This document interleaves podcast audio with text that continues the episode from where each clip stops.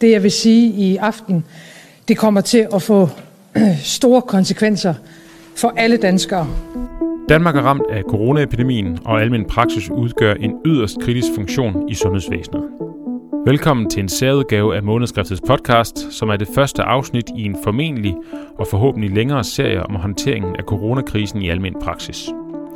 Podcasten er optaget onsdag den 19. marts kl. 14.30. Mit navn er Christian Føds. Jeg er speciallæge i almen medicin og redaktør på Månedskriftet. Sammen med den øvrige redaktion i Månedskriftet, Janne Fangel, Jon Eik Svisler, Søren Top og Helle Ravn, har jeg planlagt denne podcast, som forhåbentlig kan klæde dig som praktiserende læge lidt bedre på til at varetage videokonsultationer. Inden jeg præsenterer dagens tema og vores gæst, vil jeg lige fortælle noget generelt om den her podcastserie. Intentionen er at lave podcast, som henvender sig specifikt til de praktiserende læger, og som hver gang vil tage et aktuelt emne op, der relaterer sig til coronakrisen. Jeg har brugt de sidste par måneder på at indrette podcaststudie i mit annex på min bopæl. Jeg har allerede indspillet en del podcasts her. Desuden har studiet den funktionalitet, at man kan lave telefoninterviews. Og det er sådan, jeg har tænkt mig at lave serien.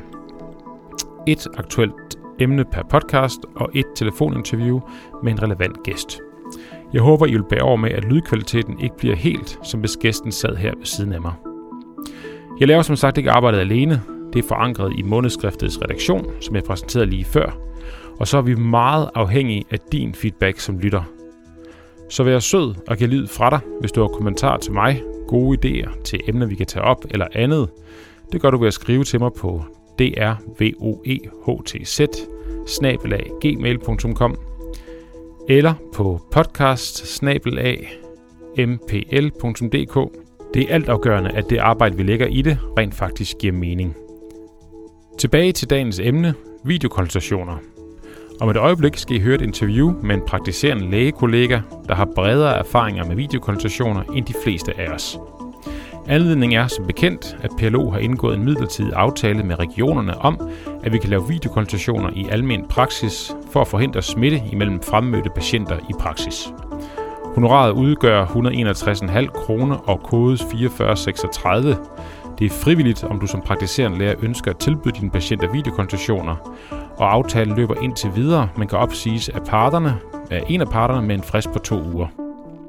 Der er allerede rigtig god erfaringsudveksling på Facebook imellem de praktiserende læger. Du som praktiserende læge og dit praksispersonale kan blive medlem af gruppen Videokonsultation, hvor der erfaringsudveksles rigeligt.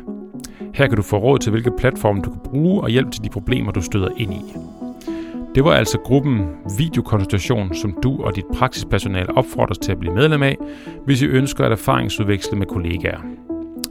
Og så til vores gæst. Jeg har i går snakket med Rasmus Dahl Larsen, som er praktiserende læge i Rosengårdscenteret i Odense. Han har været en del af et pilotprojekt det sidste år. Pilotprojektet går ud på at gennemføre videokonsultationer med patienterne som alternativ til fysiske konsultationer 0101. Og Rasmus, som vi skal møde her, han har en særlig interesse for videokonsultationer og har på nuværende tidspunkt gennemført ca. 100 videokonsultationer, og det var altså i løbet af det sidste år.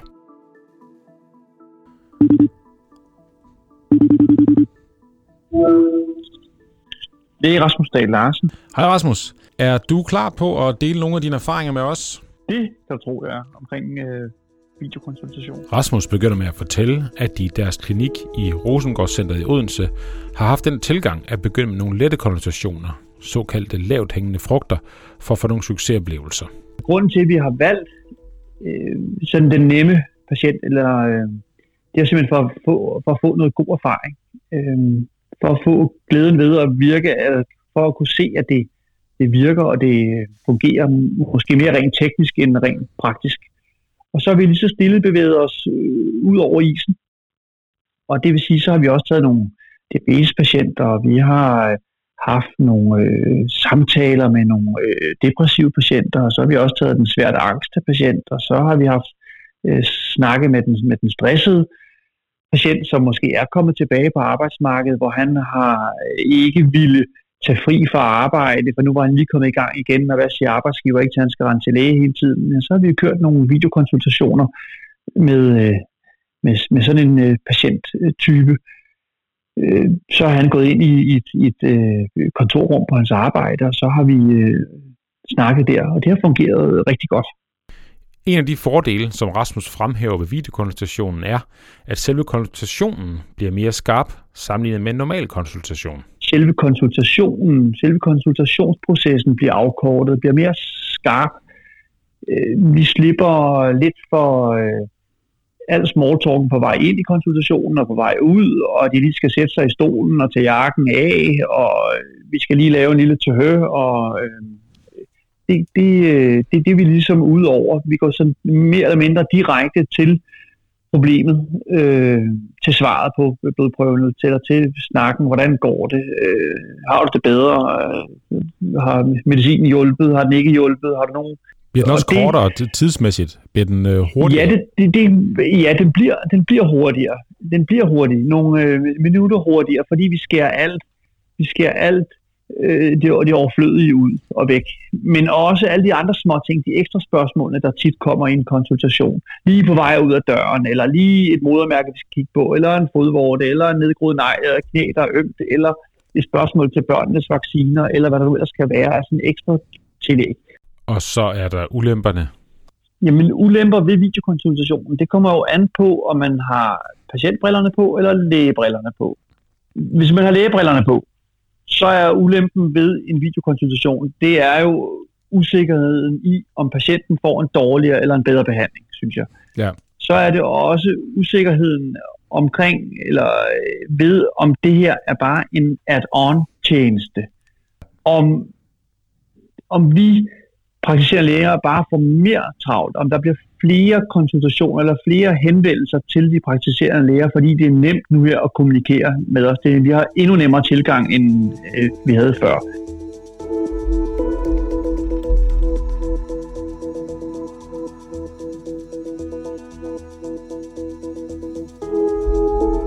Nu har du en masse kollegaer, som skal til at starte det her op, og har, er der sådan nogle typiske begynderfejl, eller sådan der, hvor man starter? Hvad, hvad, hvad er sådan det klassiske sådan, øh, børnesygdom i det her? Altså, det, når man starter med videokonsultation, så er der sådan nogle helt banale ting, som man måske ikke tænker over er banalt, men, men det er det. Og nogle ting, man skal have, have styr på. Man skal selvfølgelig have et webkamera, og man skal have nogle gode høretelefoner med øh, mikrofon. Sådan lidt en, øh, en gamer øh, høretelefon, som øh, ens børn øh, har. Øh, så skal der jo være ro i det konsultationsrum, man sidder i. Døren skal være lukket, og der skal måske være et skilt på døren, hvor der står, jeg har videokonsultation, jeg vil ikke forstyrres. Og man skal ikke forstyrres. Fordi det skaber utryghed for patienten, der er i den anden ende, hvis der er larm og støj, og man bliver afbrudt, og telefonen ringer. Det giver en utryghed, fordi patienten kan ikke se, hvad der foregår bag skærmen eller ved siden af skærmen. Er der nogen, der øh, lytter og tavshedspligt og, og, og, og så videre. Så derfor er det vigtigt, at der er, der er ro, og man ikke bliver forstyrret, når man har sin konsultation.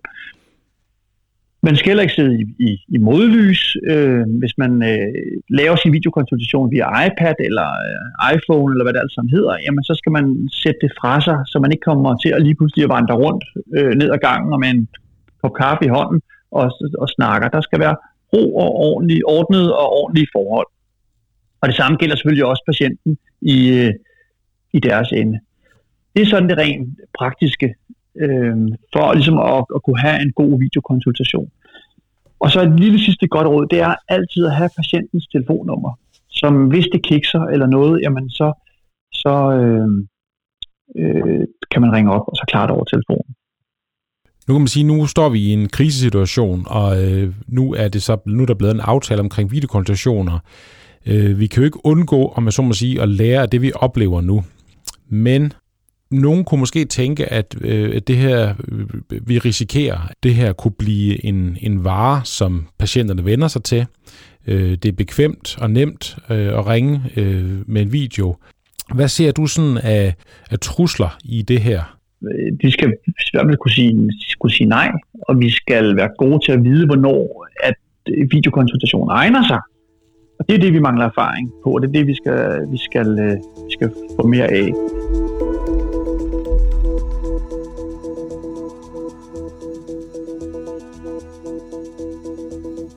Kan du, øh, med den erfaring, som du har, kan du så sige nogle konsultationer, du synes, der ikke egner sig til, til videokonsultationer?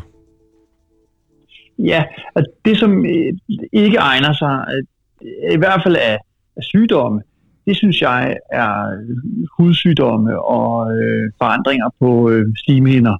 Øh, fordi at der er et, et, et, et teknisk øh, issue der, hvor øh, dårlig lys eller øh, dårlig kamera eller øh, som ting kan, kan give nogle, nogle forkerte billeder af eller farver på et modermærke, eller på et eksem, eller på et, øh, på et rosenben, eller øh, ja, øh, flere andre øh, hud, øh, sygdomme. Øh, og der er farven jo er vigtig. Farven er vigtig, når vi, når vi ser på hud. Jamen altså, der, der kunne godt være andre, der ikke egner sig til det, og det er jo en, det kunne godt være sådan en, en, en øh, patient, der er i, i sorg, hvor, hvor, øh, hvor man lægger armen rundt om dem og så videre, som måske ikke egner sig. Øh, men det kan også være, at der er nogen, der er så meget i, i sorg, at de ikke overgår at komme op til lægen. Så egner det sig jo fint. Øh, så, så igen er det jo også med at gøre sine egne erfaringer med, hvad føler man selv, der ikke egner sig, og hvad føler man egner sig. Det jeg plejer at sige, det er, at video er en telefon med briller, hvor jeg i telefonen kan spørge patienten og få en fin anamnese og øh, spørge ind til det, hvor lang tid de hostet og feber og så videre, så kan jeg nu her også få mit få, få synet med. Jeg kan også klinisk vurdere dem, øh, og det giver mig altså enormt meget, øh, især ved den øh, akutte øh, patient. Det jeg tror med videokonsultation, det er, at man som praktiserende læge skal finde ud af, hvordan passer det her ind i min dagligdag? Hvordan kan jeg bruge det? Fordi ligesom vi er så forskellige, som vi er, driver vores øh, praksiser så forskelligt, som vi gør, så tror jeg også, at vi vil bruge videokonsultation på hver vores måde, på hver vores tidspunkt, øh, til hver vores patientgrupper. Og det er jo det, vi selv må gøre vores egne erfaringer for at finde ud af, hvilke patientgrupper og sygdomme vi mener, at video egner sig til. Rasmus, skal tusind tak, fordi du vil dele dine erfaringer med os. Ha' en rigtig god aften. Jamen tak, og det var så lidt. Vi siger tusind tak til Rasmus Dahl Larsen, som fortalte os om sine erfaringer med videokonsultationer. På månedskriftet fortsætter vi vores arbejde, og du kan forvente at få bladet tilsendt til tiden i april. Generelt er artikler i månedskriftet lang tid undervejs, cirka 6 måneder fra idé til færdig artikel i et trykt blad. Vi har derfor ingen som helst chance for at bringe noget som helst aktuelt om coronaepidemien i det trykte blad. Derfor forsøger vi altså nu at bruge podcast til at dække det aktuelle. Vi håber på at kunne lave flere podcasts i denne serie om coronaepidemien.